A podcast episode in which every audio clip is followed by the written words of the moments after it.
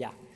Fijn, ik mag nu met u nadenken over hoofdstuk 5 van ons boekje Ik ben de kerk. En de titel van dat boekje is eh, Ik wil mijn gezin leiden naar een gezond kerklidmaatschap. Mijn gezin en de kerk.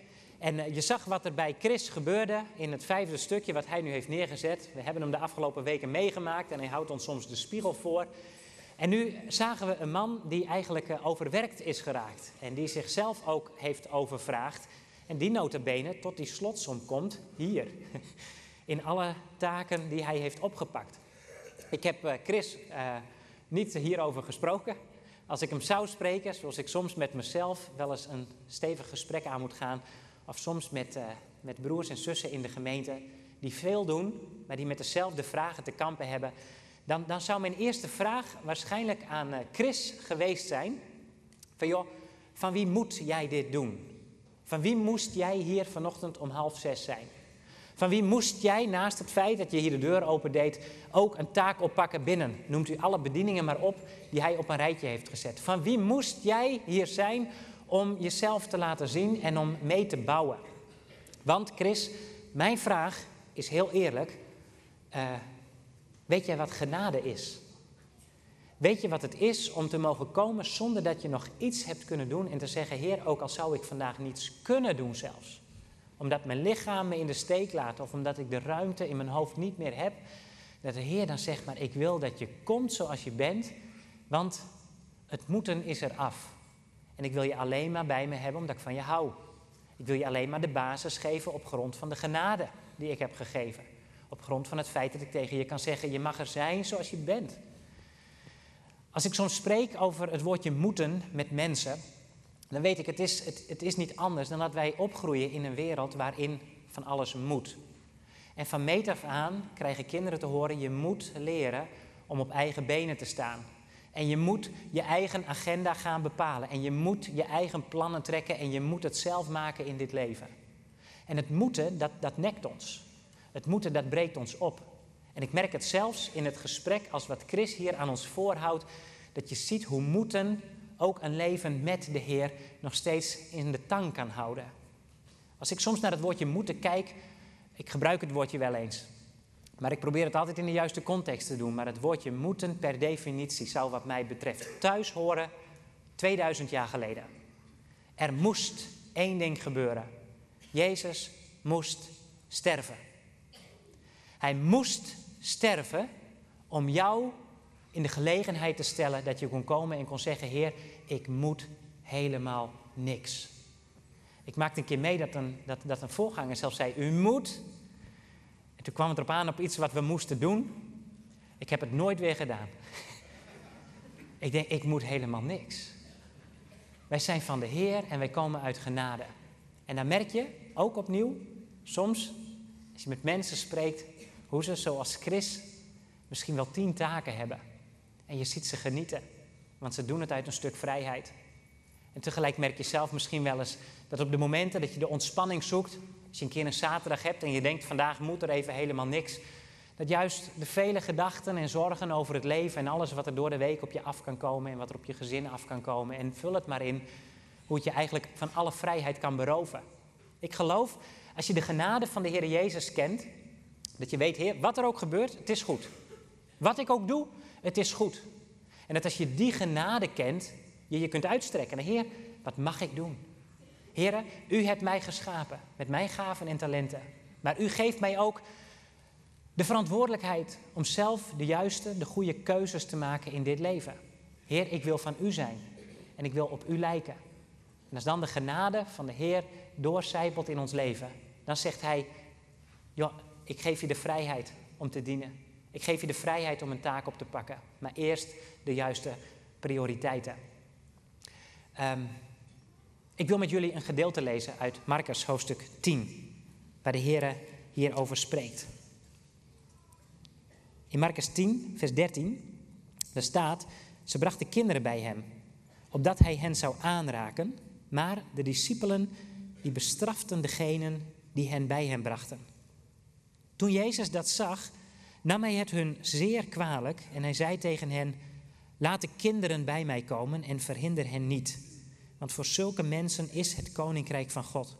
Voorwaar, ik zeg u, Wie het koninkrijk van God niet ontvangt als een kind, zal het beslist niet binnengaan.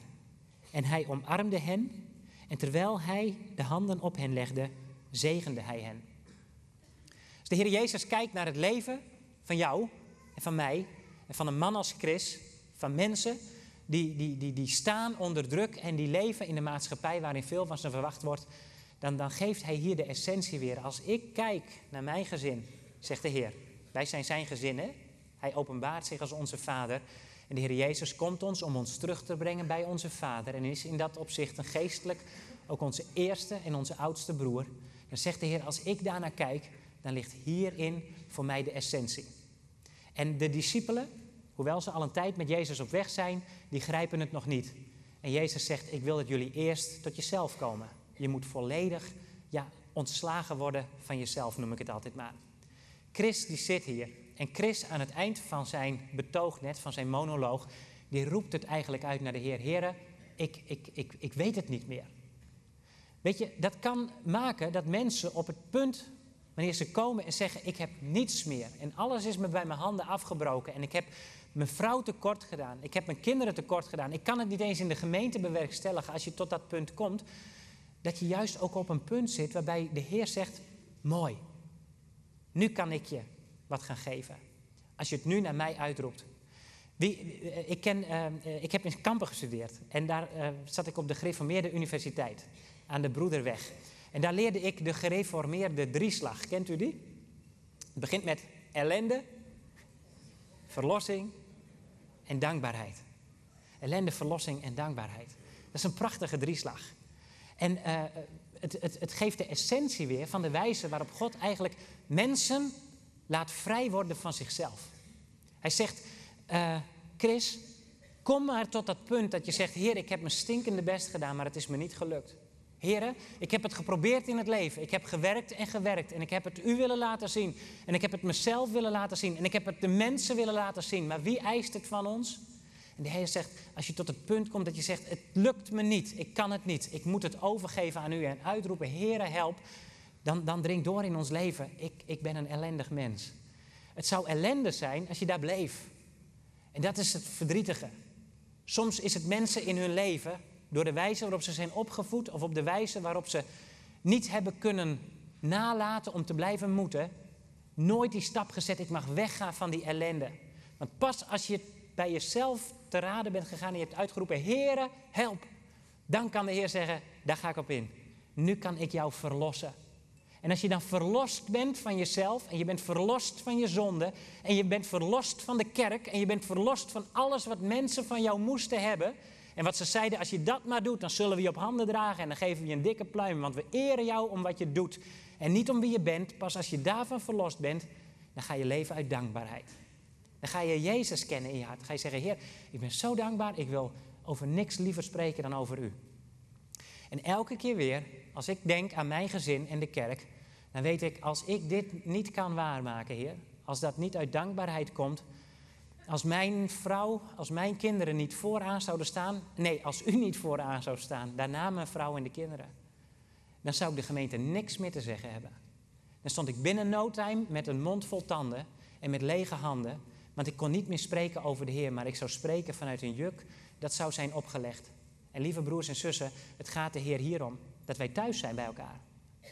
Gewoon lekker, broers en zussen, optrekken met elkaar onder het oog van één vader die van ons houdt en die het beste met ons voor heeft. En dat vergt, als we denken aan gezin en de kerk, dat uh, ik als vader in mijn gezin moet leren om dat mijn kinderen voor te houden. Om, zoals het boekje schrijft over Efeze 5, als we de Heer op de eerste plaats hebben, eerst te kunnen kijken naar mijn vrouw, elkaar in de ogen te kunnen kijken en te zeggen: Ik hou van je. Je bent de belangrijkste in mijn leven. En om dan naar de kinderen te kunnen kijken. En ze in hun ogen te kijken en te praten met ze en te zeggen: Ik hou van je. Jullie zijn het belangrijkste in mijn leven. Om vervolgens, als het gezin die plek heeft, echt dat plekje heeft in onze harten. Man heb je vrouw lief. Vrouw heb je man lief. Houd van je kinderen en gun ze de Heer Jezus. Om dan u in de ogen te kunnen te kijken en te kunnen zeggen: Ik hou van u. Ik ben zo blij met de gemeente. Ik ben zo blij met de Heer dat Hij ons ook nog eens als gezin aan elkaar geeft. Dat vergt ook ja, discipline. De leerlingen van de Heer Jezus worden niet voor niks discipelen genoemd. Ze moeten zichzelf een discipline eigen maken. Uh, ik ben sinds twee maanden, ik heb u al vaker bekentenissen gedaan over mijn sportiviteiten. Ik kijk graag voetbal, dat wist u al. Maar daar word je niet echt fit van. Dus ik heb een app gedownload. En uh, daarmee ben ik ochtends nu ochtendgymnastiek aan het doen. Ja. Waarom zeg ik dit? Vraag ik me ook af. Volgt allen mij na, zou ik zeggen. Kost, kost u maar zeven minuten. Maar ik weet, ik ken mezelf. Ik ben niet gedisciplineerd. In elk geval niet op dat front. Dus Job, onze jongste van vijf, die heb ik gevraagd... Wil jij mij hier, wil jij mij accountable houden? Hè? Wil jij mij, ik, maak jou verantwoordelijk, Job. We staan ochtends samen te springen en op te drukken en weet ik wat allemaal. Met z'n tweeën, zeven minuten. Want ik weet, als, als ik Job niet had gevraagd, Job, herinner mij hieraan. Maak jij mij morgen wakker, we gaan samen ochtendgymnastiek doen. Dan blijf ik liever nog tien minuten liggen. En er zit een gelegenheid om te groeien, die zit er niet meer in. Dan gaan we eerst eten en dan gaan we er vandoor. Dat is maar een stukje van een stukje discipline wat je nodig hebt. Maar weet u, als ik denk aan mijn gezin en de kerk, dan weet ik ook, onze eerste bediening ligt thuis. En Paak en Beppe en opa en oma deden dat helemaal zo gek nog niet. Wij zitten elke avond na het eten met elkaar en dan zitten we 20 minuten, 30 minuten en dan lezen we hieruit. Moet ik hem wel goed houden. Lezen we hieruit. We lezen met elkaar uit Gods woord. En we spreken erover. En, we, en we, we, laten ze vragen stellen. En we stellen zelf vragen. En je hebt het over de grootste waarom-vragen. En soms moet je zeggen: Hij weet het ik net. Ik weet het niet. Maar de Heer, is hij te vertrouwen? Zullen we hem toch volgen? Ook al hebben wij niet overal antwoorden op. En soms zit je met elkaar en dan komen er vragen waarvan je weet: hé, hey, dat mag ik in die context plaatsen. En dat kunnen we zo bekijken. En dan kunnen we antwoord geven op die levensvragen die we als kinderen en als ouders met elkaar hebben. Dat vergt dus dat we hierin lezen. Dat wij ons gezin serieus nemen en Gods woord kennen. Want te vaak moeten we misschien wel zeggen: ik ken het antwoord niet. Terwijl het niet komt vanwege het feit dat we twijfels hebben aan de Heer, maar dat het komt omdat we zijn woord niet kennen. Dan vergt het, als we ons gezin lief hebben, dat we ze willen opvoeden met Gods woord. En daarom heb ik Job laatst nog een vraag gesteld. Als wij ochtends gesport hebben en we zitten daarna te ontbijten, zou jij mij, omdat het niet uit hemzelf zou komen, zou jij mij ook ter uh, verantwoording willen roepen? Zou jij mij eraan willen helpen herinneren hoe goed het is om ook voordat we naar school gaan, even een stukje uit Gods woord met elkaar te lezen en elkaar te zegenen, elkaar in de ogen te kijken? En Job doet dat nu. Job zegt elke morgen, niet vergetenheid, even lezen uit de Bijbel. Mijn gezin en de kerk. RRR, kent u die drie ook? Dat is een andere drieslag, hè? Rust, reinheid, regelmaat. Die leerden wij tien jaar geleden. Toen had ik de gereformeerde drieslag er al ingepeperd gekregen op school. En toen werd ons oudste kind geworden, Gersom, en toen leerden wij RRR. Hier, R is rust en regelmaat en reinheid nodig in een gezin. We hebben het nodig om elkaar wekelijks te ontmoeten. Hier, in de kring. We hebben thuis ook nodig dat er rust is en reinheid en regelmaat. En ik zie dat als een drieslag, die RRR. Ik zie het maar gewoon als van de Heer. Want de Heer heeft in ons gelegd dat wij mensen zijn die gebaat zijn bij rust in ons leven. En dat er reinheid is en dat er ook regelmaat is. Dat we daarin gaan lijken op wie de Heer is in zijn orde, vanuit zijn grote liefde en zijn genade. Dan gaat het goed met ons. En als ik dan kijk naar de taak die wij als gemeente hebben, om niet alleen thuis, maar ook hier gezind te zijn met elkaar, met elkaar op te trekken, dan staan wij te midden van een samenleving die gekenmerkt wordt door de drie O's, zou ik het zelfs wel willen noemen dan. O, O, O. ja. En die staan voor onrust en onregelmaat en onreinheid. Daar staan wij middenin. En daarin verhouden wij ons. In, in, in een wereld die uh, wat gezin is bijna niet eens meer kent. Een onrustige, een onregelmatige en in zoveel opzichten ook zo'n onreine wereld. En dan zegt de Heer, maar ik roep jullie als mijn kinderen. En ik wil jullie vragen, kun je er thuis voor zorgen? Als papa's en mama's, als broers en zussen, als ooms en tantes. Allemaal soms fysiek, maar in zeker opzicht ook geestelijk. Wij zijn elkaars broers en zussen. Wij zijn elkaars vaders en moeders. Wij zijn elkaars zoons en dochters. Kunnen wij met elkaar toezien op rust en reinheid en regelmaat. Want wij hebben een statement te maken van heb ik jou daar. In een wereld die geleefd wordt door de drie O's. Na de dienst kwam net mijn hospice nog bij me. Hij zei, maar ken jij de drie G's dan wel? Ik denk, welke drie G's zouden dat zijn? Dan heb je ze ook allemaal gehad. Dat is God, gezin, gemeente. Dat is een goede volgorde. Eerst thuis. Eerst bij je vader thuis. Daar ben jij. En hij ziet je. Hij kent jouw onrust, hij kent jouw onregelmatigheid, hij kent jouw onreinheid.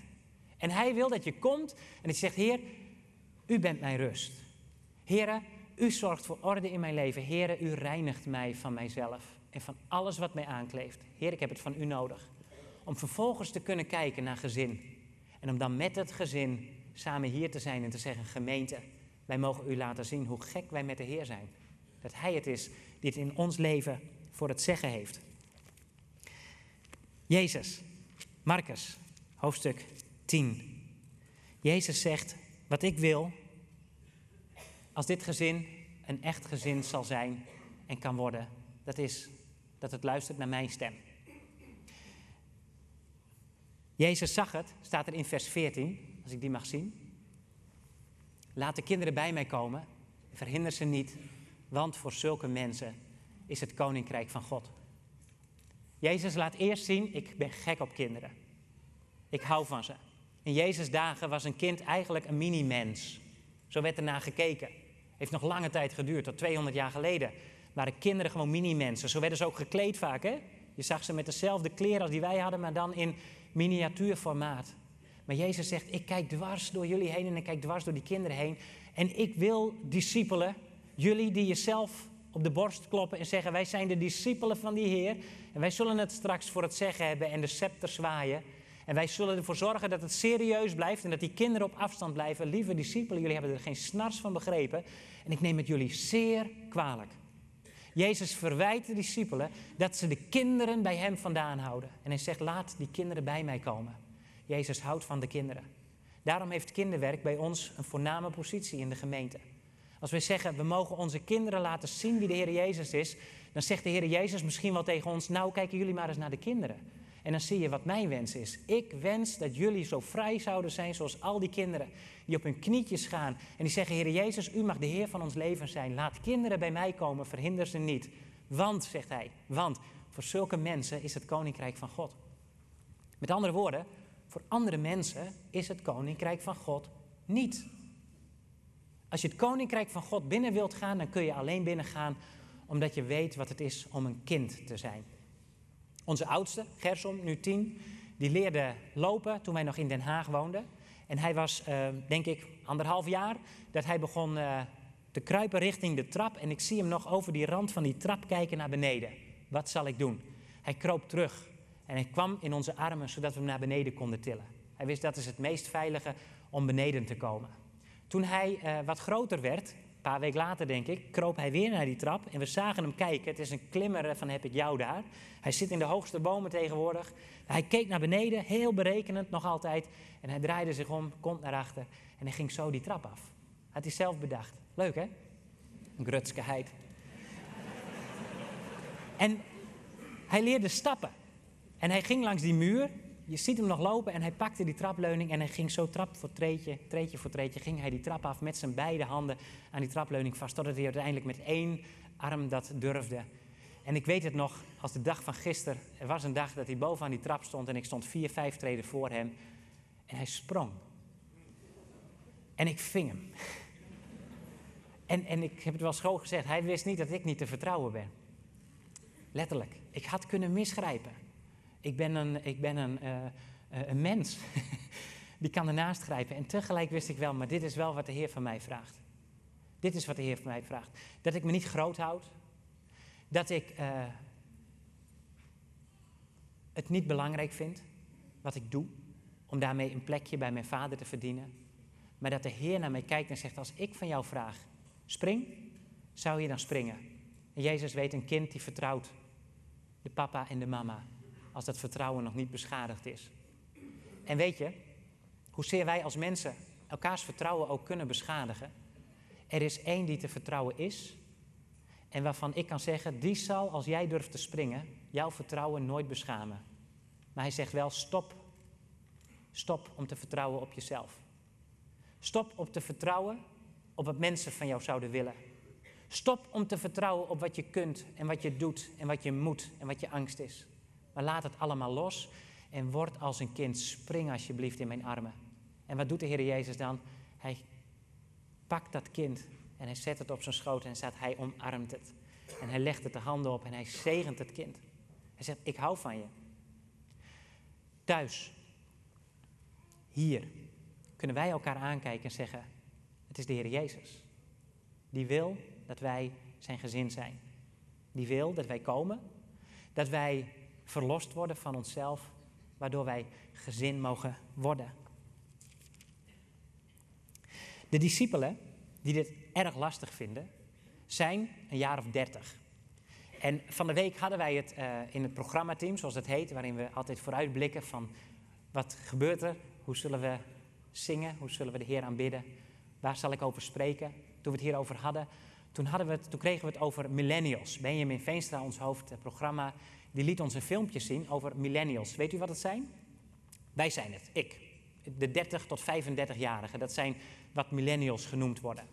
En ik wil u een aantal kenmerken van wat millennials, onze generatie, die een best behoorlijk stempel drukken op dit moment op de hele samenleving, wil ik u voorhouden. Millennials, de dertigers, die zijn tegenwoordig hoogst individualistisch. Wij zijn verantwoordelijk voor ons eigen succes en ons eigen geluk. Lukt het succes niet in ons leven? Hebben wij geen geluk? Dan wordt daarvan gezegd, dan heb je het waarschijnlijk zelf gedaan. Daar ben je namelijk zelf verantwoordelijk voor. Wij hebben doelen, en dat zijn hoge doelen, en die moeten wij eigenlijk al gerealiseerd hebben voordat we 30 waren. Er ligt een onrealistisch hoge verwachting op de millennials en op de hele mensheid intussen zo'n beetje vanwege de social media. In de social media, denk aan Facebook en, en al die, uh, vul het maar in, waar je jezelf kunt presenteren, waar je jezelf kunt laten zien. Ja, daar doen wij alleen een boekje open over onszelf als we denken, ja, dat is mooi om te delen. Tot, uh, tot vorig jaar had ik Facebook en als we dan in de slufter waren geweest en ik had wat mooie plaatjes van de jongens waarvan ik dacht, dat mag iedereen weten, dan liet ik dat zien. Maar ik heb het nooit in mijn hoofd gehaald. Op het moment dat er thuis ruzie was om wat foto's te maken, zeggen, zet ik ook op Facebook. We laten alleen dat mooie zien. En omdat we daarna kijken en we, en we worden gevoed, is er een onrealistisch hoge verwachting van ons tegenwoordig. Het is ook nog eens moeilijk om na een vaak lange studie een baan te vinden. En zodra we klaar zijn met studeren, komt er een keiharde reality check. Want wat we wilden en wat we dachten te kunnen gaan grijpen zodra we klaar waren, blijkt helemaal niet voor het oprapen te liggen. En daarnaast hebben we altijd gehoord, als jij maar hard je best doet, dan kun je worden wat je wilt. Want het zit in jezelf. Dan komen die discipelen. Mannen die hoge verwachtingen hadden. Mannen die hun eigen plannen hadden. Mannen die ook nog eens een stuk individualisme laten zien en ervoor willen gaan. En dan komt de Heer in mijn leven. En dan komt de Heer in het leven van de generaties van vandaag. En zoveel nieuws is er helemaal niet onder de zon. Alleen Facebook bestond nog niet. Maar dezelfde onheilige verlangens waren in zoveel mensen ook aanwezig. Het moeten en het kunnen en het zelf willen doen. En dan komt de Heer en die zegt: ik, ik, ik kan je zo niet binnenlaten. Je zult het moeten loslaten. Ik ben degene die jou niet heeft bedoeld om een individu te zijn. De mens is gemaakt, het was niet goed. God heeft zelf iets geschapen waarvan hij tot de conclusie komt: het is niet goed dat de mens alleen is. Ik heb het individu niet als individu bedoeld. En ik wil dat individu niet in een of ander communistisch systeem laten opgaan, maar ik wil dat individu op een plek hebben waarbij hij, waarbij zij kan zeggen: Ik ben een zoon, ik ben een dochter, ik ben een broer, ik ben een zus, ik ben een papa, ik ben een mama. Ik ben onderdeel van het gezin van de Heer. De Heer ontslaat ons van ons individualisme en zegt: Het gaat voortaan om jou in het gezin. En het gaat mij erom dat je mij ziet als je papa. Je hoeft je eigen succes niet meer te bewerkstelligen. Je hoeft niet meer te leven voor onrealistisch hoge verwachtingen. Die onrealistisch hoge verwachtingen, daar voldoet één aan. En die heeft dat gedaan 2000 jaar geleden. Hij is perfect, hij is volmaakt. En hij zegt, ga maar op mij lijken. Kijk maar wat minder naar Facebook en kijk maar wat meer naar mij. En ik, die volmaakt ben, kan je zeggen, hoe meer je naar mij kijkt, hoe meer je op mij gaat lijken. Maar kom bij mij en durf een kind te zijn. Want als je dat wordt, is het koninkrijk van God voor jou. Wil met u de geschiedenis lezen die direct hierop aansluit, om dit stuk ook zo dadelijk te gaan afsluiten. Als Jezus de kinderen heeft gezegend in een huis, dan komt hij naar buiten en dan staat er in vers 17, toen hij naar buiten ging om op weg te gaan, snelde er iemand naar hem toe. Hij viel voor hem op de knieën En hij vroeg hem, goede meester, wat moet ik doen om het eeuwige leven te beërven? En Jezus zei tegen hem, waarom noemt u mij goed? Niemand is goed, behalve één, namelijk God. U kent de geboden. U zult geen overspel plegen. U zult niet doden. U zult niet stelen. U zult geen vals getuigenis afleggen. U zult niemand benadelen. Eer uw vader en uw moeder. Maar hij antwoordde hem: Meester, al deze dingen heb ik in acht genomen van mijn jeugd af. En Jezus keek hem aan en had hem lief. En hij zei tegen hem: Eén ding ontbreekt u. Ga heen, verkoop alles wat u hebt en geef het aan de armen. En u zult een schat hebben in de hemel. En kom dan, neem het kruis op en volg mij. Maar hij werd treurig over dat woord en hij ging bedroefd weg, want hij had veel bezittingen. En terwijl hij rondkeek, zei Jezus tegen zijn discipelen: Hoe moeilijk kunnen zij die rijkdommen bezitten, het koninkrijk van God binnengaan? En de discipelen verbaasden zich over zijn woorden. Maar Jezus antwoordde opnieuw en zei tegen hen: Kinderen, hoe moeilijk is het dat zij, die op rijkdommen vertrouwen, het koninkrijk van God binnengaan? Het is gemakkelijker dat een kameel door het oog van een naald gaat, dan dat een rijke het koninkrijk van God binnengaat. En ze stonden nog meer versteld. En ze zeiden tegen elkaar: Wie kan dan zalig worden? Maar Jezus keek hen aan en zei: Bij de mensen is het onmogelijk, maar niet bij God. Want bij God zijn alle dingen mogelijk. Jezus heeft net de kinderen zijn handen opgelegd en ons laten zien dat het gezin voor hem vooraan staat. En dan komt hij deze jongen tegen en die stelt een vraag, een levensbelangrijke vraag. Goede meester, wat moet ik doen om het eeuwige leven te beërven? En deze jongen, die hoeft niet te getuigen van een leven dat in duigen ligt.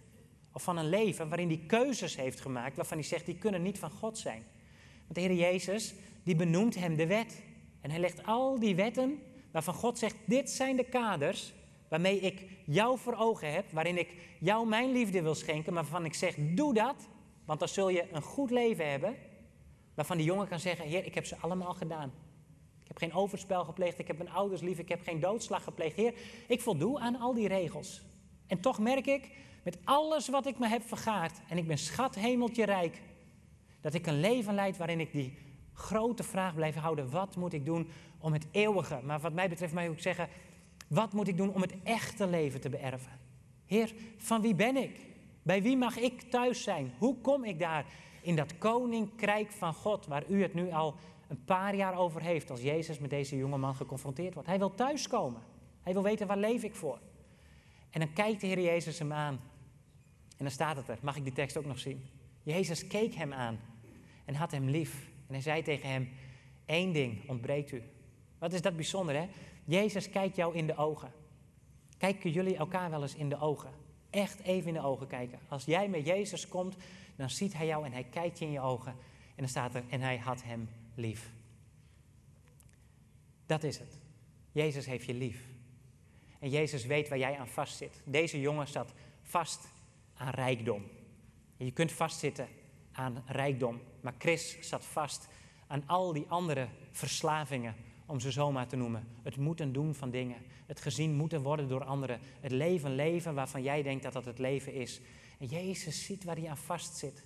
En dan kijkt hij in dat leven en dan zegt hij, ja, je kent mijn, je kent mijn geboden.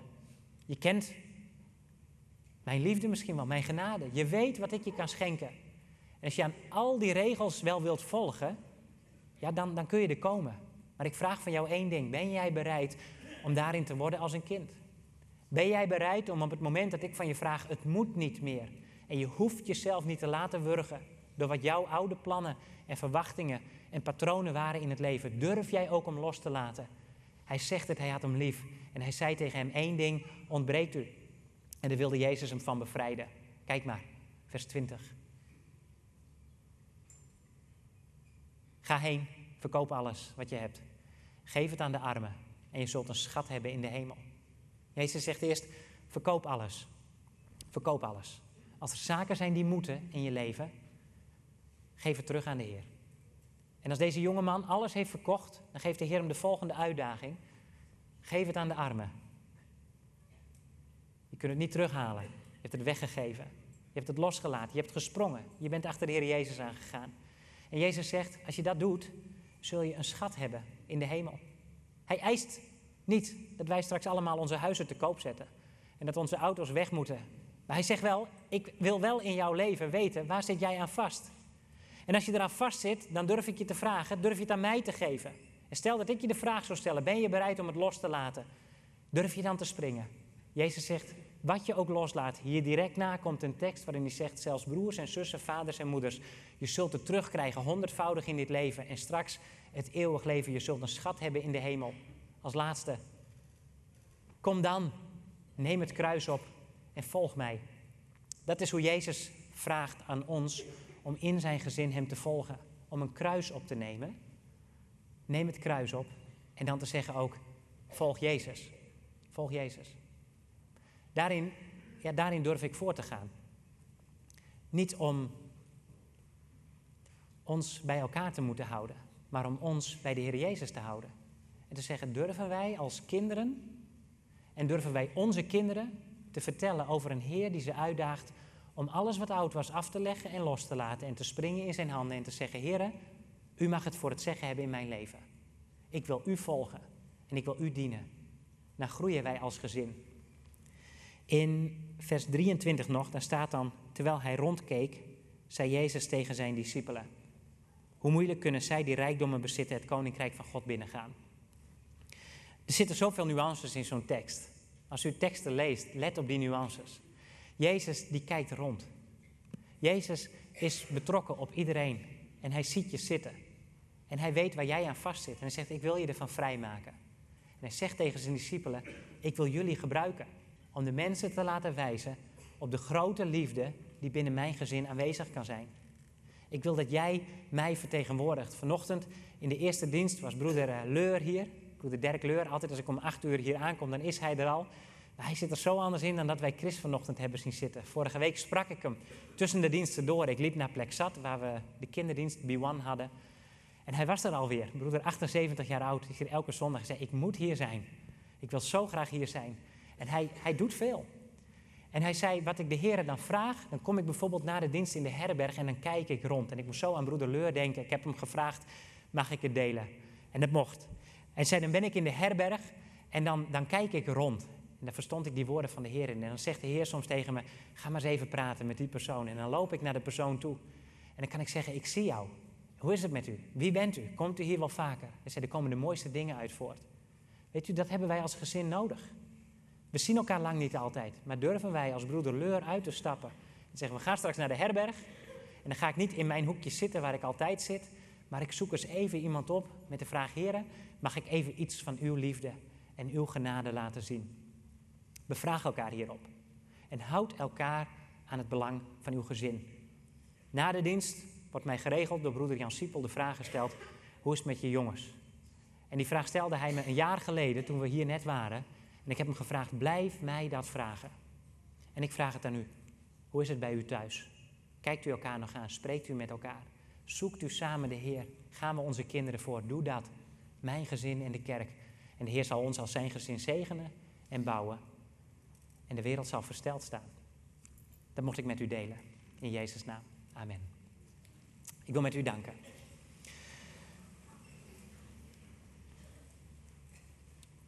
Heren, ik wil, uh, ik wil u prijzen en loven voor het wonder van ons bestaan. Heren, u hebt ons, uh, u hebt ons geschapen. U bent ons aan het herscheppen.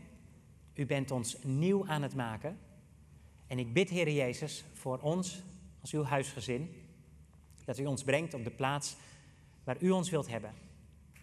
En heren, wij uh, hebben met elkaar gezien en we weten dat wij in een wereld staan die uh, u nodig heeft. Dat is al van alle eeuwen. Maar hier zijn wij, Heer, als levend offer. We hebben het gezongen met elkaar. We leggen onze levens in uw hand en wij bidden, Heer, voor deze plaats, voor deze omgeving, voor dit tijdvak. Waarvan we bidden, Heer Jezus, laat het het tijdvak zijn waarin u terugkomt. Komt u spoedig, Heer. Maar dat u ons in de dagen van uw genade de zegen schenkt om thuis te zijn. Thuis, thuis, thuis bij elkaar, thuis hier. En heren, dat kan alleen als het moeten eraf is. En als u de Heer bent die zegt, kom maar bij mij. Je mag op schoot zitten. Ik leg je mijn handen op en ik zegen jou. En heren, dat, eh, dat bid ik. Dat u de gemeente bewaart voor haarzelf. En voor onze eigen plannen. Onze eigen ambities, onze eigen moeten. Dat u ons daarvan bevrijdt in uw naam, Heer Jezus. En dat elke macht van het rijk der duisternis daarover verbroken zal worden. Zodat uw licht, Heer, en uw genade en uw liefde ons zo zullen doorstromen.